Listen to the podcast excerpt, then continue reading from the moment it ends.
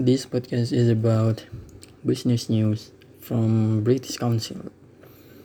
So the news was telling me that the recent elections that took place across the country. This was a crucial vote which may see a dramatic change in how the country develops over the coming years. Overall, a 54.5% voter turnout was registered. This represents an increase of 11% over the previous election and 6% above the average for the past 50 years.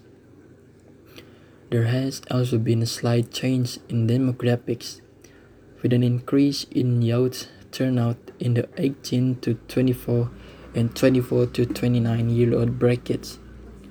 Despite this increase, young people are still less likely to vote than older people. 84% of voters in the 70 plus age group came to the polling stations. The Global Digital Powerhouse, or NK, posted quarterly results which were above forecasts.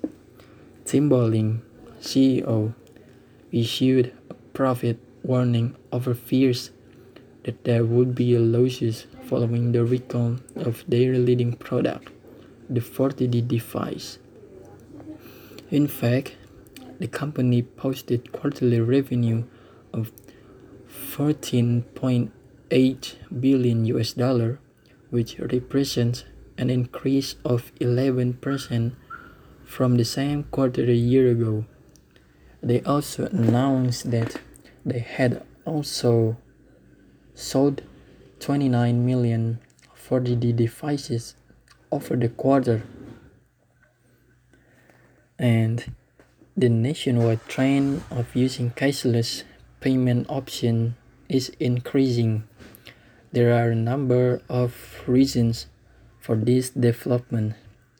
A key reason for this a growing interest in reducing the number of items people need to leave their homes with as almost everyone carries a smartphone with them and many people also have smartwatches. The ability to pay for things using one of these two technologies is particularly appealing. More and more retailers are accepting cashless payments, and in some cases, they have stopped accepting cash altogether.